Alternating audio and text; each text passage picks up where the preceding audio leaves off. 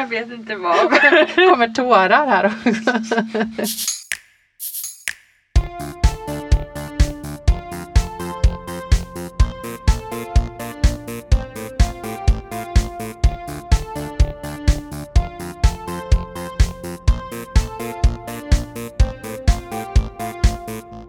Välkommen till ytterligare ett avsnitt i Tryffelsvinets vinklubbs frågepodd Fråga Tryffelsvinet. Det där kändes lite som en sex laxar eh, situationer men jag tror att jag fick till det. Hjärtligt välkommen till mina kollegor Lina och Emil. Hello, hello. Hej, tack. Mår ni bra? Ja, det är bra. Ja. Ja men det är fint. Hur mår du?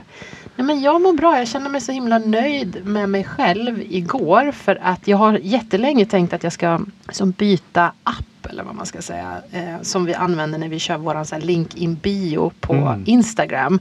För jag har inte varit helt nöjd med den. Och igår la jag ner alltså, ganska rejält mycket tid. För jag fick också sitta med en jättetrevlig kille från Dublin för att få till Mm. det här.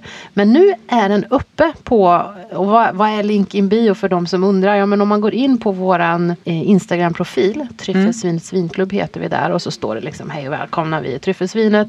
Och så står det typ så här biosite slash Tryffelsvinet eller någonting. Om man klickar in på den så kommer man ju åt liksom alla härliga länkar till viner vi skriver om i mm, Våra nyhetsbrev. Ja, men Instagram-inläggen. Ah. Mm. Eh, och där skriver vi ju allt ifrån vinerna i nyhetsbrevet Ja. såklart. Mm. Länkar till våra event, länkar till de här podcastavsnitten. Men med den här nya biosite-grejen så, så samlar man liksom, man kan bli medlem direkt via den, man kan lyssna på podden direkt via den, man kan klicka in på våra event direkt via den. Så jag har gjort vår Instagram-profil jättemycket smidigare. Så gå in och spana på den för jag blir så himla nöjd.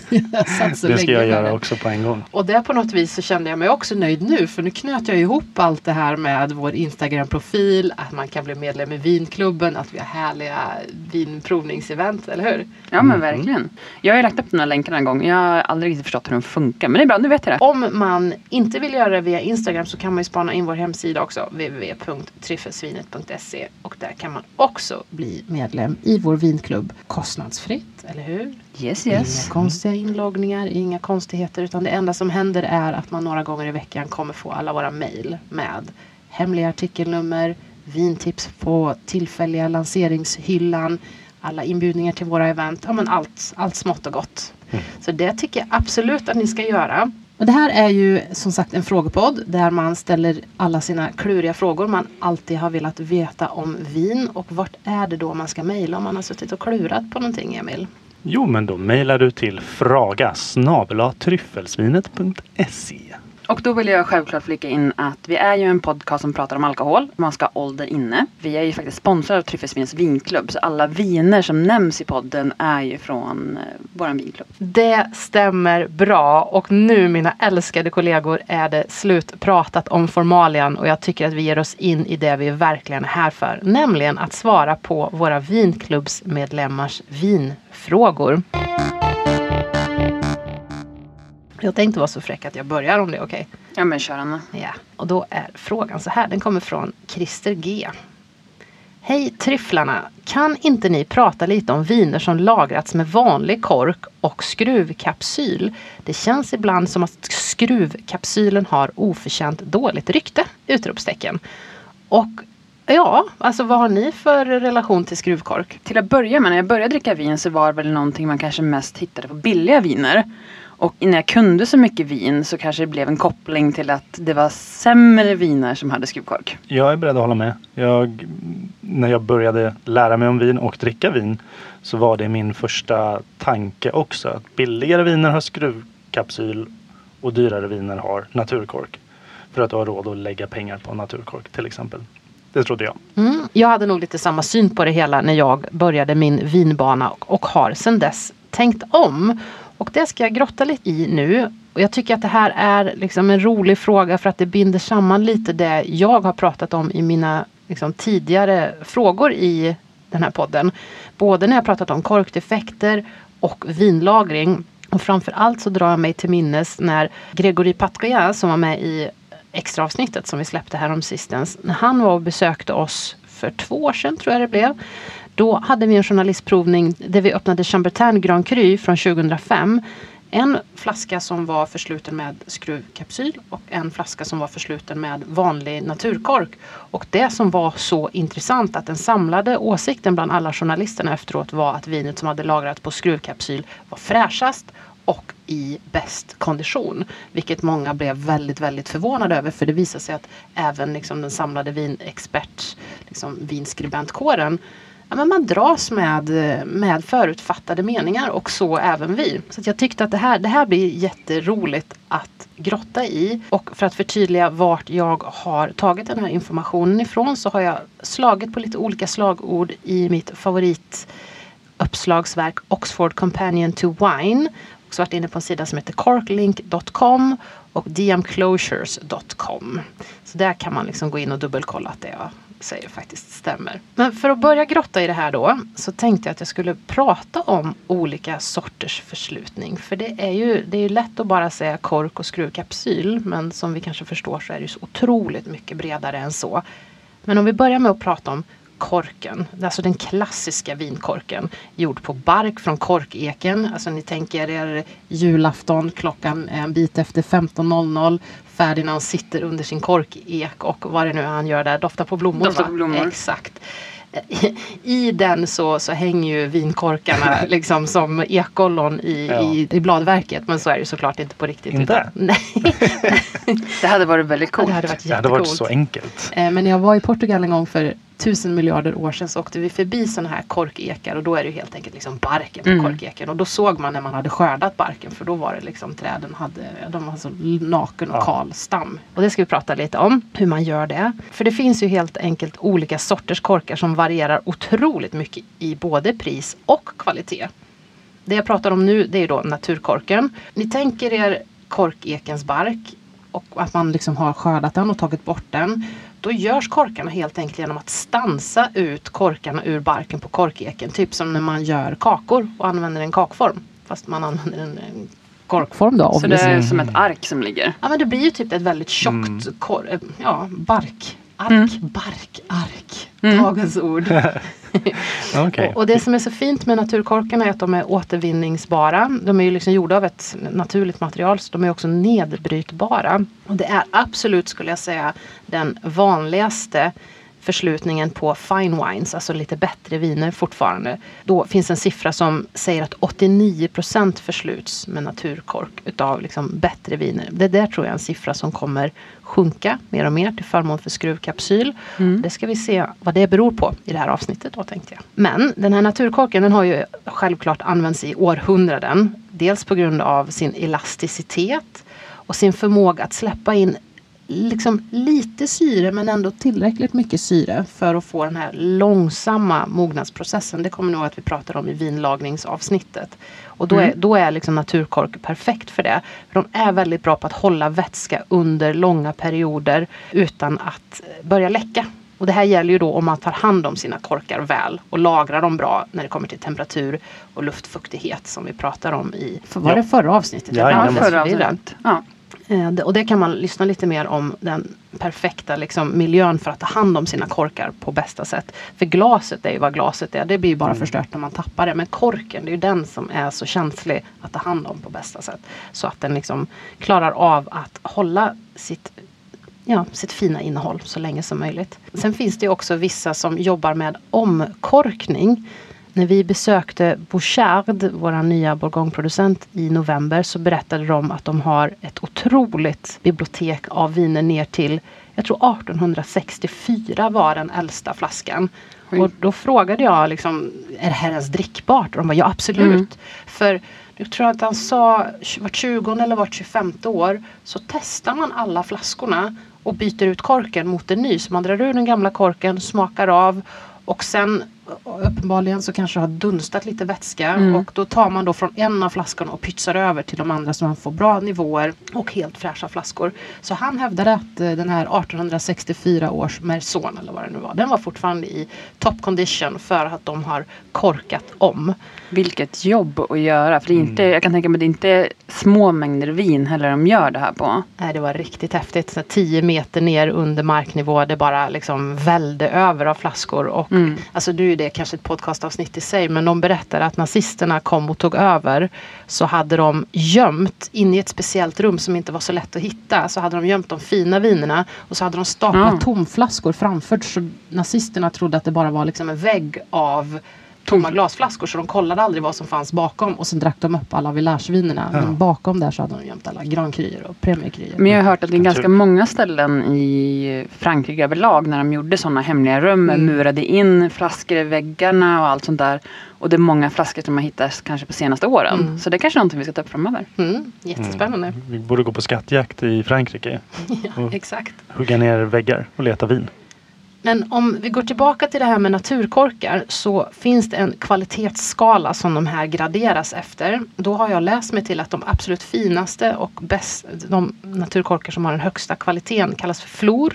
Snäppet under är extra, snäppet under är superior och sen kommer first, second, third, fourth och fifth. Och den här kategoriseringen sker med hjälp av olika tester som bland annat inkluderar liksom en okulär visuell inspektion. Och sen så graderas de här korkarna och prissätts utifrån vilken, vilken gradering man får. Och priserna kan variera ganska så rejält mycket inom varje kategori. Och då är det ju självklart att ett lite billigare vin då som ändå har naturkork, då kanske man inte har köpt den absolut finaste nivån. Medan de absolut dyraste vinerna, är du en vinmakare så kanske man lägger lite extra pengar på att köpa en extra fin och bra kork som har fått den högsta kvalitetsgraderingen för att verkligen säkerställa att ens viner blir omhändertagna. Men det kanske inte är så många som tänker på att det finns olika kvalitet på korken. Nej men då kanske, alltså tänk efter nästa gång ni öppnar en, en flaska eller om ni har en, liksom en liten korksamling hemma. Titta på dem. För att det jag pratar om nu var liksom den klassiska naturkorken. Men bara genom att titta så kan man se att alla korkar som finns där ute är inte naturkorkar. Och jag ska nämna några andra här nu också. Det finns en som, det blir engelska här nu då. Multi-piece corks. Där har man tagit naturlig kork och limmat ihop mindre bitar av korkbitar. Alltså de som är för smala för att bli en egen kork under själva stansningen. Och då använder man såklart ett ofarligt lim som är godkänt eh, i liksom Exakt min fråga. Jag bara, vad använder du för lim till det där? Hanssons klister. Eh, och de här korkarna kan fortfarande vara av bra kvalitet. Inte högsta, men Ja. bra kvalitet. Multipiece corks. Och sen finns det den som heter colmated corks och där har man tagit naturlig kork som fått sina porer fyllda med korkpuder enligt en process som heter the colmate process. För om ni tittar på en riktig naturkork så ser man att ytan är ju inte slät vanligtvis utan det är små, små, små porer. Mm. Men de här colmated corks eh, som har genomgått den här processen de är, de är helt släta och homogena i sitt utseende och eh, också homogena i sin tekniska förmåga då uppenbarligen. Och de kategoriseras också enligt A, B och C utifrån hur mycket utav den här processen som har använts. Sen finns det en typ av kork som heter agglomerad och mikroagglomerad kork. Det är en ganska billig korktyp som görs på granulat, det vill säga biprodukter från tillverkningen av naturlig kork. Och det kan vara små partiklar, lim, damm. Och det här är väl kanske korkar som används för billigare viner som man inte ska lagra. De kanske ska Okej. drickas alltså, inom två år som vi pratade om i förra avsnittet. där. Och då mikroagglomerad, då är de här granulaten 0,5 till 2 millimeter stora, så pyttesmå. Sen finns det också det som kallas för teknisk kork. Och det är en sån här agglomerad kork som görs på det här granulatet. Men där man har limmat fast ändar med naturlig kork på antingen en eller två sidor. För att själva vinet då ska ligga i kontakt med liksom, en liten skiva av naturlig kork. Men det här är framför allt också för viner som ska drickas unga. Så spana in ni där hemma i stugorna när ni öppnar en, en kork och, och se om ni kan gissa vilken typ av kork det är. Det är lite roligt. Det måste jag kolla på till helgen. Ja, helgen kommer ju snart hoppas vi. Ja, precis, jag tänker att när du nämnde först att man stansar ut, ut korkarna. Eh, för min första tanke då var att ah, stansas alla korkar? Eh, men det visade sig att vissa är ju någon typ av massa eller smet också som Mhm. gjuts till kork. Mm, absolut. Mm. Kul. Men när vinkorken, alltså den naturliga korken, är i toppform, då är det, skulle jag vilja sticka ut hakan och säga att det är få som kan argumentera mot dess förträfflighet när det gäller att hjälpa ett vin att gå från ungdom till mognad. Problemet är bara att det inte är alla korkar som klarar av det här jobbet. För även inom samma vinkartong så kan olika korkar i lådan, ja det kan leda till små, små nyansskillnader i liksom vinets kvalitet inne i de enskilda flaskorna. Medan de i vissa fall förstör vinet helt genom den här förhatliga korkdefekten som vi pratade om för några avsnitt sedan. Och då pratade vi om att det är någonstans mellan 1 till 5 procent beroende på vilken källa man läser av alla viner som är så kallat korkdefekta eller oxiderade till följd av för dåliga korkar. Men det här är ju såklart någonting som dagens korkindustri har tagit jättestora steg för att liksom få bort. Men det är svårt att helt kringgå problemet. Och det här korkdefekt, kommer ni ihåg när vi pratade om det? TCA som det också kallas. Mm. Det är ju den här klorisolkontaminationen som orsakas av att det klorinnehållande blekmedel som används vid att eh, alltså vid korkbearbetningen, som vi också pratar om då, så kan det ju också vara så att korkbarkens struktur innehåller små, små porer som kan härbärgera klorisolbildande mikrober som alltså kan uppstå redan när barken fortfarande sitter kvar på trädet. Så även om det med andra ord är i det närmsta omöjligt att helt undvika TCA-kontaminering så har dagens korkindustri gjort jättemycket för att öka kvalitetskontrollen och modifiera tillverkningsprocesserna för vinkork. Men sen tyckte jag att det var lite roligt när vi hade, det var väl i september 2023 så hade vi Peter Allen Finlayson från Kristallum och mm. Gabriels Klof här. Mm. Och när vi sa så här, vill du prova av vinerna som vi har öppnat här? Han bara, nej nej nej det behövs inte för att eh, jag, har, jag, jag använder ju den här korken. Och så sa han det som en sån självklarhet och då kände jag mig superdum och var tvungen att fråga Nikita, vår eh, product manager för Sydafrika. Vad, vad, vad menar han? Har han, liksom, han har alltså en kork mm. som han är så säker att han inte ens behöver prova av viner. Mm. Han bara, ja men jag tror att han har den här liksom värstingkorken Diam Diamant. Mm. Och då var jag tvungen att googla det nu då inför det här. För det här har liksom legat i bakhuvudet och, och gnagt. För att jag hade inte hört talas om det här. Och då är det då så att 2003 så började företaget Diam, det är företagsinformation här då, vi är mm. inte sponsrade men det, det, är de facto de som har gjort det här. Och de började med en, en, revolutionerande och patenterad process som kallas för diamantprocessen som i korthet innebär att man med hjälp av koldioxid lyckas extrahera de här volatila molekylerna som ger upphov till TCA eller korkdefekt. Och även inom den här diamantmetoden så finns det också liksom olika kvaliteter och längder där supervärstingen då ska vara diam 14 och då sägs det då att där kan de garantera att även om det innehåller viss mängd av TCA så är det så lite att det inte går att eh, känna av den mänskliga näsan. Men okay. vad coolt. Eller hur? Och jag skulle fråga dig Anna, vilken mm. tror du, eller om du vet, är den dyraste korken? Rolls Royce av korkarna. Ja, men du måste... Jag tror jag har fått mitt svar. Ja, du, du har fått ditt svar. Exakt. Diam, diamant 14. Diamant 14. Mm. Wow. Och den ska då finnas i Kristallums alla viner. Så om man är nyfiken på den så här ser ut om man hade tur att lyckas knipa någon av Kristallums viner på senaste webbsläppet. Då kan man ploppa upp en och kolla. Det finns ju faktiskt fortfarande några kvar i butik också. Kör det? Ja. Oh. Utav Peter, yes. Peter, vad heter den? Peter Max och The Agnes. Mm. Exakt. Oh. Oh. Annars får du vänta till hösten 2024. Ja, precis. Kommer det beror på när man lyssnar på det här podcastavsnittet ja. om det finns kvar eller inte. Så sant. De första som lyssnar på det här springer iväg och köper vinerna. Ja, nej men det var lite grann om korkar. Men nu ska jag prata om de här andra alternativa förslutningsmetoderna för att slutligen hamna i skruvkapsylens förlovade land. Men det finns ju några andra alternativa förslutningsmetoder. Har ni någon gång försökt köra in en skruvkapsyl och det har tagit stopp och sen har ni upptäckt att, att det var glas där under? Nej, Nej men jag har faktiskt druckit en rosé som hade glaskapsyl, eller mm. glaskork snarare. Och det, det gillade jag. Vi var på en picknick när vi öppnade den. Det var helt perfekt. Vi hade glömt korköppnaren så vi var väldigt glada när vi upptäckte det. Ja, ni förstår ju på förekommande anledning att jag är en av de som förgäves har försökt köra skruvkapsylen. Vad är det som händer? Och sen, jaha, det är en vinolock. Jag vet jag har varit med om det. Det var någon tysk Riesling. Mm. Um, men jag minns ju inte hur den såg ut oöppnad eller sådär, förstår du? Obruten. Ja, men innan exakt. man såg glaskorken. Men de här fina glaskorkarna som Lina säger är ju supersmidiga om man ska på picknick för då kan man liksom lätt peta tillbaks dem igen och om man har glömt vinöppnaren. Och de är jättebra ur miljösynpunkt för de är miljövänliga och åter, vad ska man, säga, man kan återvinna dem. Men de är jättedyra att framställa. Sen finns det också plastkorkar, det vill säga syntetiska korkar som är gjorda att se ut som en naturkork men de facto är gjorda av någon sorts typ av plast. Men sist men inte minst skruvkapsylen som ju då var Christers huvudfundering. Liksom, fundering. Skruvkapsylen är förutom vinkorken en av de absolut mest använda förslutningsmetoderna idag. Det finns ju också såklart vanlig, vad heter det, sån ölkapsyl på vissa viner. Eh, Ja, på många petnatter. Ja, exakt. Eller väldigt, väldigt, väldigt billiga typ viner som man köper längs vägen om man åker i Tyskland. Men de ska vi inte prata om, utan vi ska prata om skruvkapsyl. Och det är ju så att även inom familjen skruvkapsyl så finns det jättemånga olika sorter. För det kan man ju tänka, oh, en skruvkapsyl, nej, nej, nej.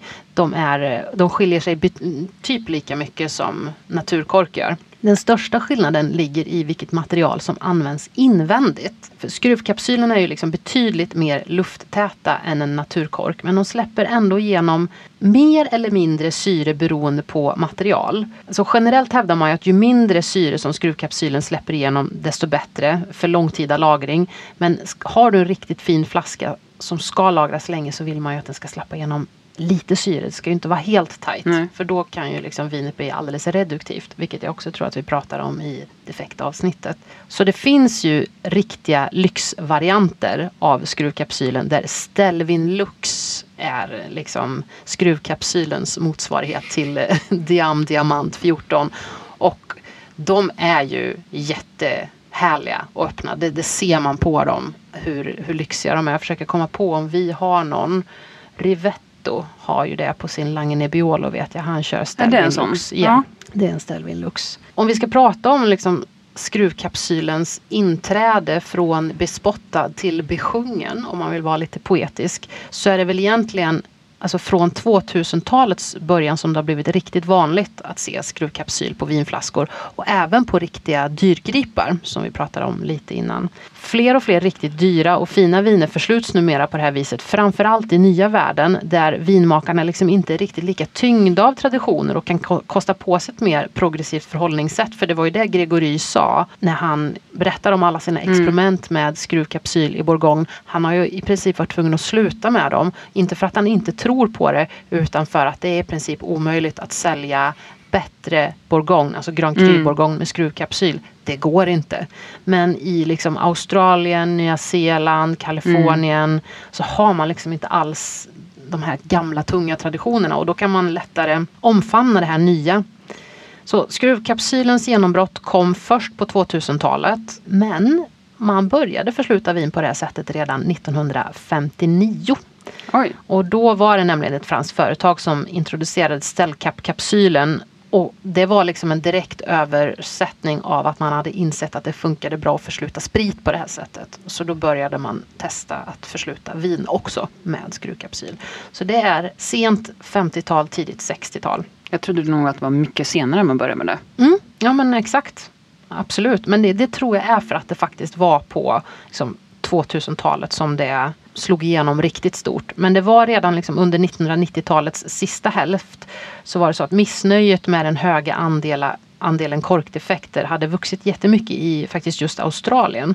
Och det var ett av de länder som tog de första stora stegen mot skruvkapsylens framgång på ett liksom bredare plan det som hände då var att år 2000 så gick ett gäng vinmakare i området Clare Valley samman för att göra någonting åt det här. För de, upptäck, liksom, de upplevde att deras karaktäristiska Rieslingviner som man är väldigt kända för där. De led av väldigt, väldigt stort antal defekta korkar som verkligen förstörde upplevelsen av de här fruktdrivna vinerna. Och det man gjorde var att man, man skaffade buteljeringslinor som kunde hantera skruvkapsyl. För det var ju inte så många som hade det heller. Och det visade sig att det blev en supersuccé och många tyckte att det var jättesmidigt med just skruvkapsylen. Jag tänker mig Australien, då är det ju härligt att vara ute året runt och då kanske man... Alltså det var, de var tidiga med att omfamna det helt enkelt. Och sen hakade Nya Zeeland på.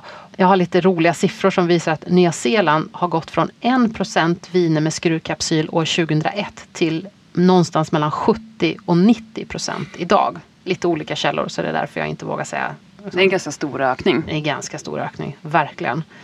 Och det är väl framförallt den unga generationen av vinkonsumenter som har hjälpt till att föra liksom, in korken i finrummet eftersom de kanske i högre grad har accepterat skruvkapsyler även på kvalitetsviner. Så lite avslutningsvis här då. Fördel vinkork, fördel skruvkapsyl. Och sen tänker jag inte säga att det ena är bättre än det andra utan jag bara lämnar alla att själva få klura lite kring det här. Men fördel vinkork då, det är ju, alltså går ju inte att komma runt att många vinkonsumenter de föredrar det här traditionella i att öppna en flaska vin med en äkta naturkork. Man vill åt ploppet när man öppnar. Sen är ju också, alltså korkindustrin är ju en gammal och anrik bransch och de har gjort stora förbättringar i att utesluta defekta korkar och det är ju kanske en, en industri och ett gammalt hantverk som är värt att bevara. Sen finns det ju faktiskt, liksom, så vitt jag kan hitta, ingen konkret forskning som visar på att det på djupet är fastställt att naturkork är den bästa förslutningen för långtida lagring. Även om många forskare tror att så är fallet. Så jag kan tänka mig att många vinproducenter som har riktigt högkvalitativa viner kanske inte törs testa skruvkapsyl för att man inte har 100% forskningsmässigt bevisat att de funkar lika bra. Och då går man the safe side och väljer naturkork för det vet man uppenbarligen att det funkar bra. Sen finns det ju de också som hävdar att vin lagrat på skruvkork lätt kan få den här obehagligt reduktiva stilen till följd av för lite kontakt med syre som vi också pratade om i defektavsnittet. Sen är det då de som motsätter sig det här argumentet. De menar att reduktion kanske snarare till följd av undermålig vinmakning snarare än förslutningsmetod eller att man kan lufta bort det. Ja, och vilka är då fördelarna med skruvkapsyl? Ja, men det är att man slipper korkdefekter som kommer från själva korken, även om man inte kan undvika andra defekter. Man slipper problem med flaskvariation i högre grad, även om det inte helt går att undvikas. Många menar att eftersom skruvkapsyl inte andas på samma sätt som en vinkork så saktas lagringsprocessen ner. Och inom forskning så talar man ju om att ju långsammare processen går, desto bättre. Framförallt att jämföra med typ magnumflaskor då, som ju sägs liksom vara bättre för långtida lagring än helflaskor. Så det finns ju då de som hävdar att skruvkapsyl är bättre än naturkork för långtida lagring. Vilket ju då den här provningen som vi gjorde visade liksom viss stöd för. Det ska ju bli spännande att se hur mycket man kan forska på det här och mm. se vart man slutar någonstans. Absolut. För mig, jag skulle inte ha någonting emot att nu när jag lärt mig mer att köpa med skruvkork och lagra. Bara jag skulle veta att det håller och det blir ett bra resultat i slutändan. Ja, och jag är ganska övertygad om att det, det forskas väldigt mycket kring det. Så att vi får, vi får hänga med i den forskningen. Och mycket av den här nya liksom forskningen och tekniken som jag pratat om, det har ju möjliggjort att skruvkapsyler kan släppa in li, en liten mängd syre. Och det ska vara bra för då de här vinerna som, som jag pratade om som behöver viss kontakt med den lilla, lilla mängd syre som en kork släpper igenom över tid. Sen är det ju liksom försiktig forskning verkar tyda på att viner med skruvkork lagras bra. Vissa forskargrupper menar att det blir en skillnad mellan skruvkapsyl och kork men att det ena nödvändigtvis inte är bättre än andra, bara liksom annorlunda. Och sen slipper man ju då som du var inne på Lina, debaclet med att alltid ha en vinöppnare till hands. Jag vet inte hur många vinöppnare jag har blivit av med i security control på eh, flygplatser för att jag inte tänker mig för. För att jag tänker att man behöver alltid en vinöppnare med sig. Så det jag bara avslutningsvis vill liksom säga vare sig man är team skruvkork, naturkork eller team båda två. Det är ju att det handlar om vår egen hemmamiljö där vi lagrar vinerna och att det är det som är make it or break it. Att flaskorna ska hållas svalt mörkt och vibrationsfritt som vi pratar om. Och då hjälper vi till att skapa de bästa förutsättningarna för att både korkarna och skruvkapsylerna ska kunna göra ett så bra jobb som möjligt. Så, jag har ju också fått in en liten fråga som jag tänkte svara på här i podden. Hej Tryffelsvinet! Jag och några vänner vill starta vår egen vincirkel där vi träffas och provar vin och därför undrar vi helt enkelt Vad ska man tänka på när man anordnar egna vinprovningar? Bubblande hälsningar vännerna från Sumpan. Kul. Och jag vill ju börja säga Gud vilket härligt initiativ. Ja, får vi vara med? Ja, vi vill alltid vara med. Jag är ju själv med i lite sådana grupper. En grupp som ses varje månad och käkar lite middag och provar vin. Och sen så har vi en större grupp som vi ses två gånger per år. Just det, jag fick ju väl vara med på en av de här träffarna en gång. Det var jätteroligt. Ja men exakt, vi har lite udda teman också på de här kvällarna. Ja, vad var det vi hade när jag var med? Första, Första dejten vin va? Precis, ja. man skulle välja ett vin och man skulle välja en låt och bli introducerad med, eller hur? Ja exakt. Jätteroligt. Vi körde lite musik då också, vi drar ja. in allt möjligt. Måste vara fest. Ja. Men okej, så vi, det är ju uppenbarligen så att du är rätt person att svara på den här frågan. Så vad är dina bästa vincirkeltips? Ja, och till att börja med så är det väl här också mycket erfarenhet jag fått här via jobbet och sen också mycket erfarenhet jag fått med privata provningar. Så vi kan väl börja med det enklaste med att säga att vi skippar all parfym. Mm. All perfekt. Ska man gå ut efteråt så tar man med sig parfymflaskan och stänker på sig innan man går ut. Och varför ska man inte ha parfym så att vi är glasklart tydliga? Ja, men till det första så kommer det störa din grannes eh, som sitter bords, dam bordsherre. Eh, när den ska dofta av vinet så kommer den störa det. Och den kommer även störa det egna doftsinnen när du ska dofta av vinet. Mm. Men framför allt absolut bordsgrannen. För man själv är ofta van med sin egen doft. Men Ja. stackaren bredvid där. Så tänk på dina vänner. Ja men verkligen. Bra och det, det är någonting här på jobbet också. Vi har ju aldrig parfym på oss när vi jobbar. Nej. Jag, hade, jag har inte haft parfym på liksom typ sju år. Och så hade jag det någon helg och bara, vem är det som stinker? Nej, det är jag. Nej, så att eh, helt enkelt vi skippar parfymen när vi ska prova vin. Mm. Sen är någonting som är viktigt att tänka på är att alla ska prova ur lika glas. För att få samma uppfattning om vinerna. Sen kan man ju göra en glasprovning där man provar ut olika glas. Men då häller man oftast upp samma vin mellan alla glas eftersom. För att få se vad som händer med de olika glasen. Men ska du ha en ren vinprovning så rekommenderar jag verkligen att ni ska ha likadana glas allihopa. Och går det inte att få till att alla har samma så se till att åtminstone du har samma på dina liksom fyra till sex glas som man har med sig. Mm. Eller hur? Eller på de vinerna man provar. Så att om ni ska prova Pinot Noir och ha en Pinot Noir-kupa så alla en Pinot Noir-kupa. Och sen Mm. kanske ni har Riesling eller liknande. Och det finns ju, alltså på tal om Riedel, Riedel Ouvertyr är ju mitt favoritglas.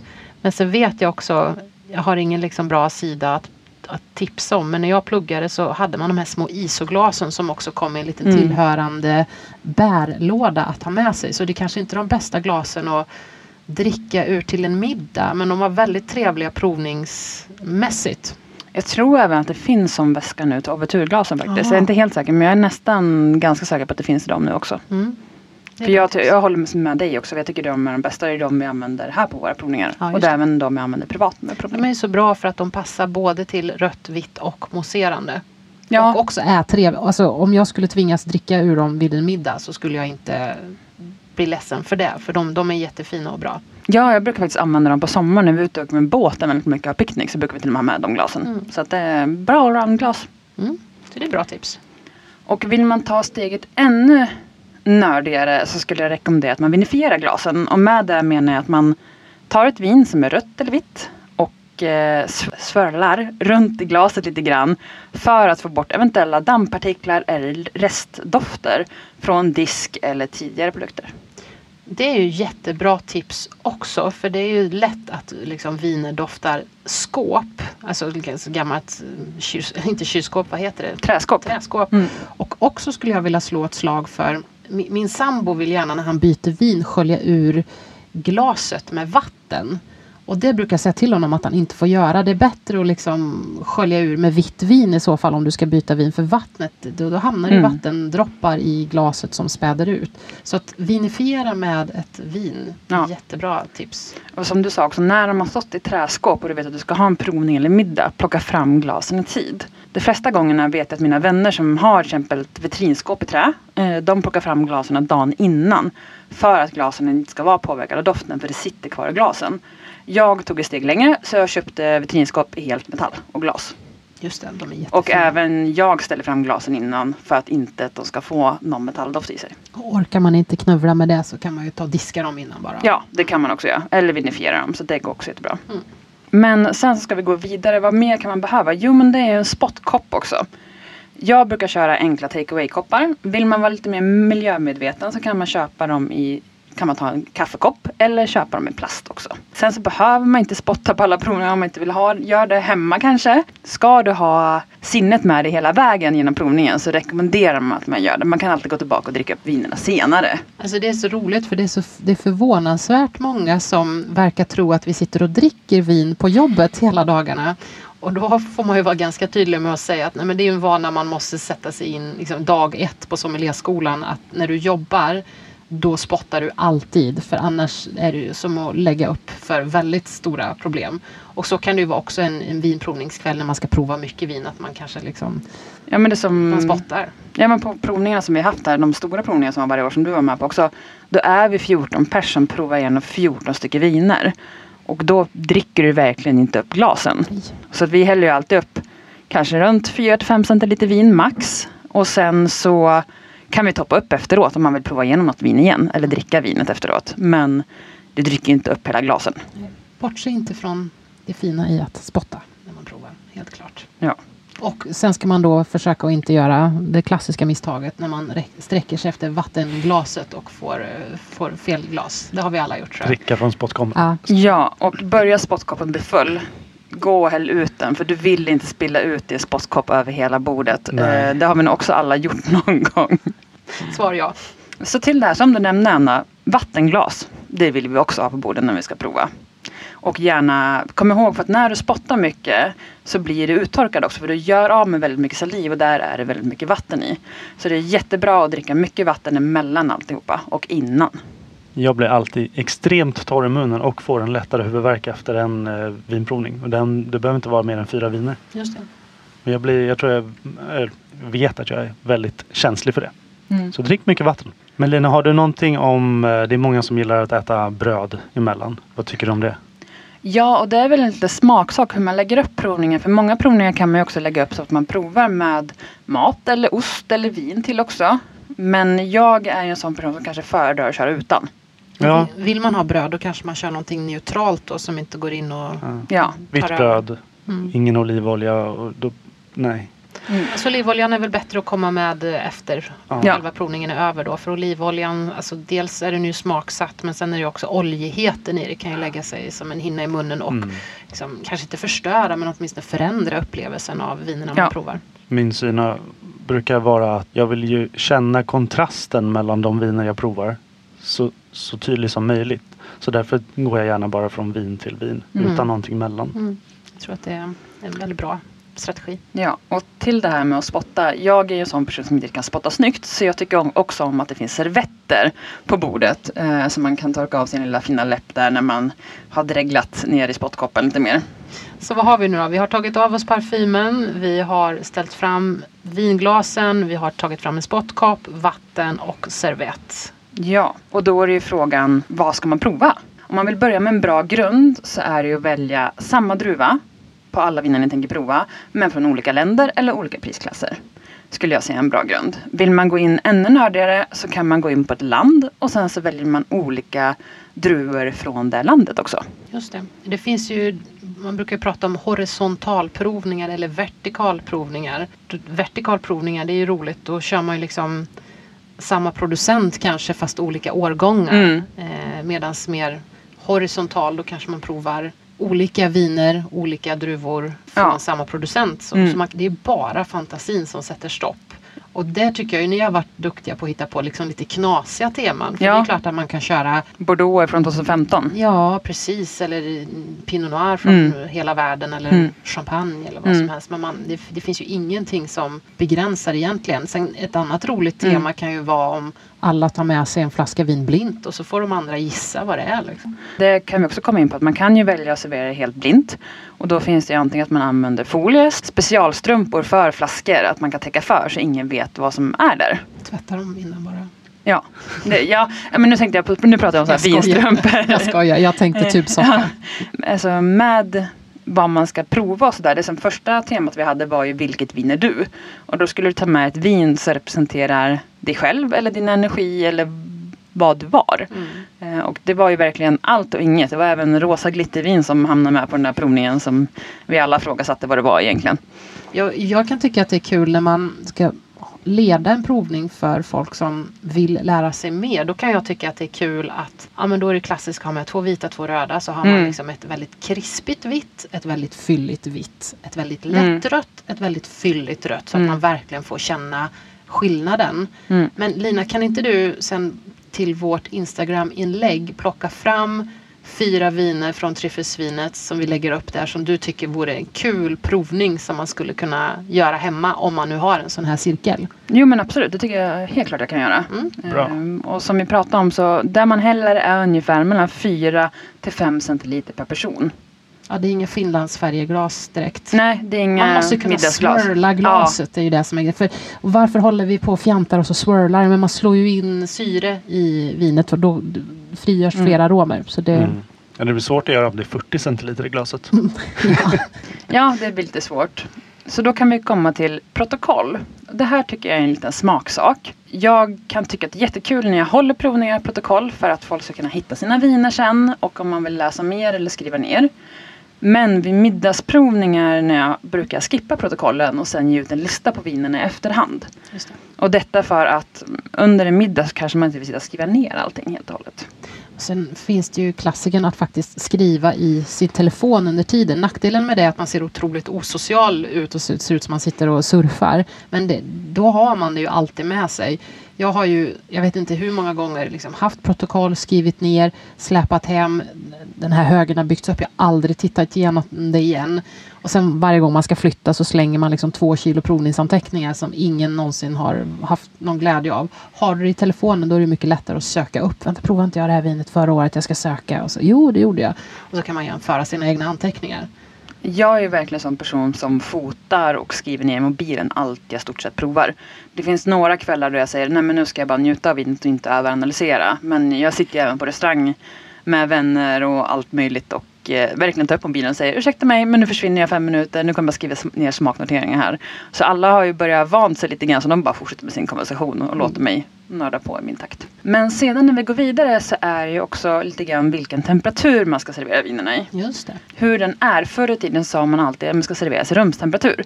Men rumstemperaturen på den tiden kanske låg runt 18 grader. Rumstemperaturen nu ligger ju runt 20-22 grader oftast. Och till det här så har vi faktiskt en jättebra artikel på vår hemsida som Anna har skrivit som jag tänker att vi kommer länka i vårt Instagram-avsnitt här också. Just det, det är en av våra mest besökta sidor på sajten faktiskt. Så folk tycker att det är klurigt med serveringstemperatur. Och det här, vad sa du, 16 till 18, det är ju röda viner då, Ja. framförallt som vi pratade.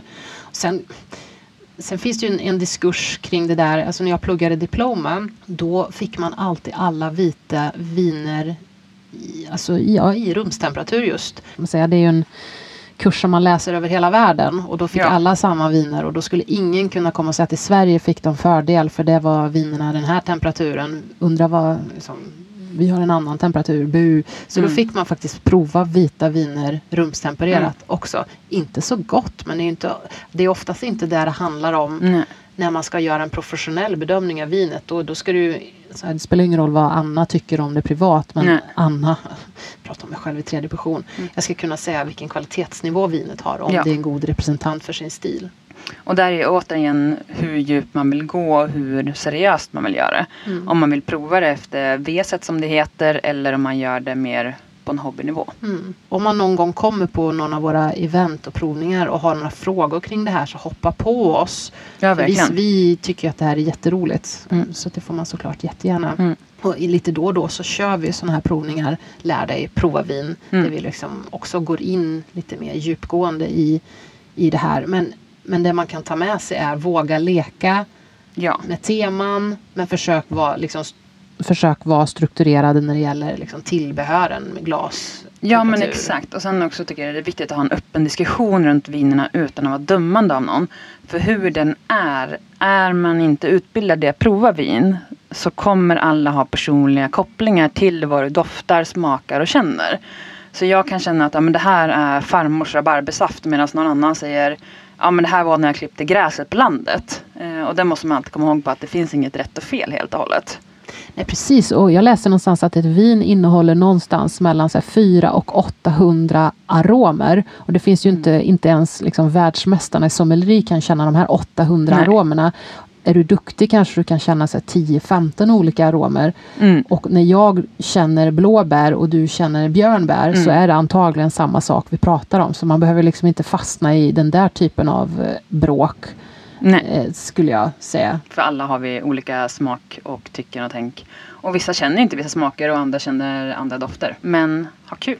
Vad kul. Mm. Vad kul. Det är roligt. Ja. Ja. Och vad kul vi har haft det. Ja men gud vad härligt. Ännu ett avsnitt. Jag har några, ett gäng grannar som vill att jag håller en vinprovning för dem. Och så då ska jag sno din idé som du postar i samband med att vi lägger upp det här avsnittet Lina. Nu känner jag att nu fick jag press på mig här också. Ja, men ibland behöver man lite press. Härligt och om ni har några egna vinprovningscirklar får ni jättegärna tagga oss när ni sitter och provar.